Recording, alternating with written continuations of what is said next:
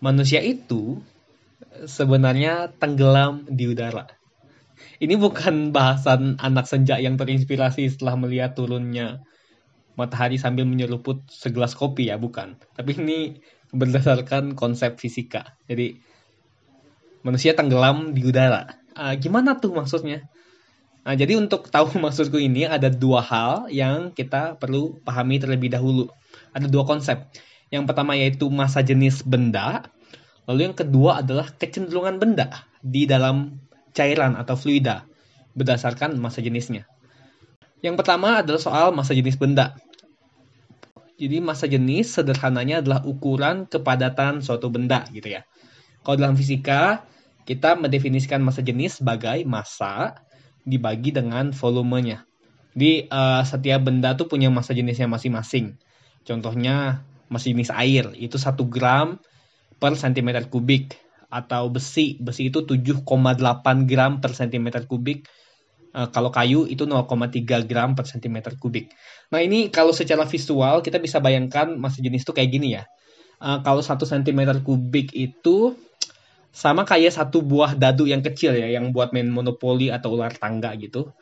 Nah kita bayanginnya itu 1 cm kubik. Jadi kalau kita punya kayu seukuran dadu itu, masanya kira-kira akan sebesar 0,3 gram. Ya. Bayangin, kayu sebesar dadu, masanya itu 0,3 gram. Sedangkan kalau kita punya besi seukuran dadu, nih sama ukurannya dadu, masanya akan sebesar 7,8 gram. Nah, dari situ bisa kita tahu kan, uh, kalau kita punya kayu dan besi seukuran dadu sama ukurannya, kita bisa bilang kalau besi itu lebih berat atau masanya lebih besar dari kayu. Kenapa? Ya karena masa jenisnya lebih besar. Gitu. Itu soal masa jenis ya. Lalu selanjutnya soal kecenderungan benda di dalam cairan atau fluida berdasarkan masa jenisnya. Jadi ada tiga kecenderungan benda kalau kita masukin ke dalam fluida. Yang pertama itu tenggelam. Jadi dia ada di dasar fluida ya. Yang kedua itu melayang. Kalau melayang itu dia di nggak di dasar, nggak di permukaan. Dia di tengah-tengah gitu melayang kayak ikan gitu kan melayang. Lalu yang ketiga itu mengapung. Mengapung itu yang di permukaan. Nah, kenapa ada tiga kecenderungan ini sih? Nah, ini sebenarnya jadi karena uh, ketika benda di dalam fluida dia akan menerima dorongan ke atas. Jadi kalau kita taruh benda di dalam suatu cairan, kita bilanglah air. Kita taruh benda dalam air, dia akan menerima dorongan ke atas. Nah ini nih hukum Archimedes sebenarnya. Nah jadi waktu di dalam fluida ada dua gaya yang dialami benda tersebut. Yang pertama itu gaya gravitasi, itu kan tarikan ke bawah, dan yang kedua adalah gaya apung, yaitu dorongan ke atas. Nah, lalu terjadilah antara tenggelam, melayang, atau mengapung. Lalu gimana caranya kita tahu benda itu tenggelam, melayang atau mengapung? Kita bisa tahu lewat membandingkan masa jenis benda itu dengan masa jenis fluida.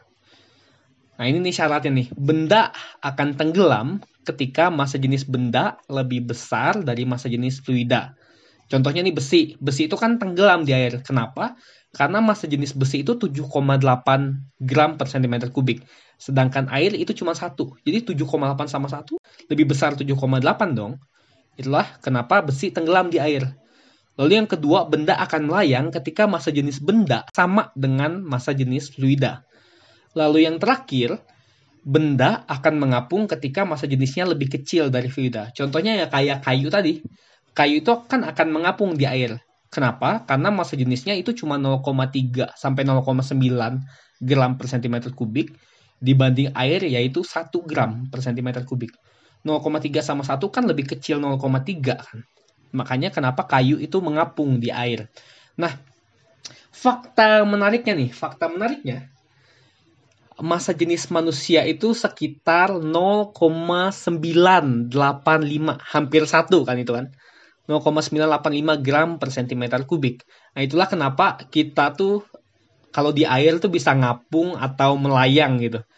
Karena hampir sama kayak air. Jadi kita itulah kenapa kita bisa mengapung.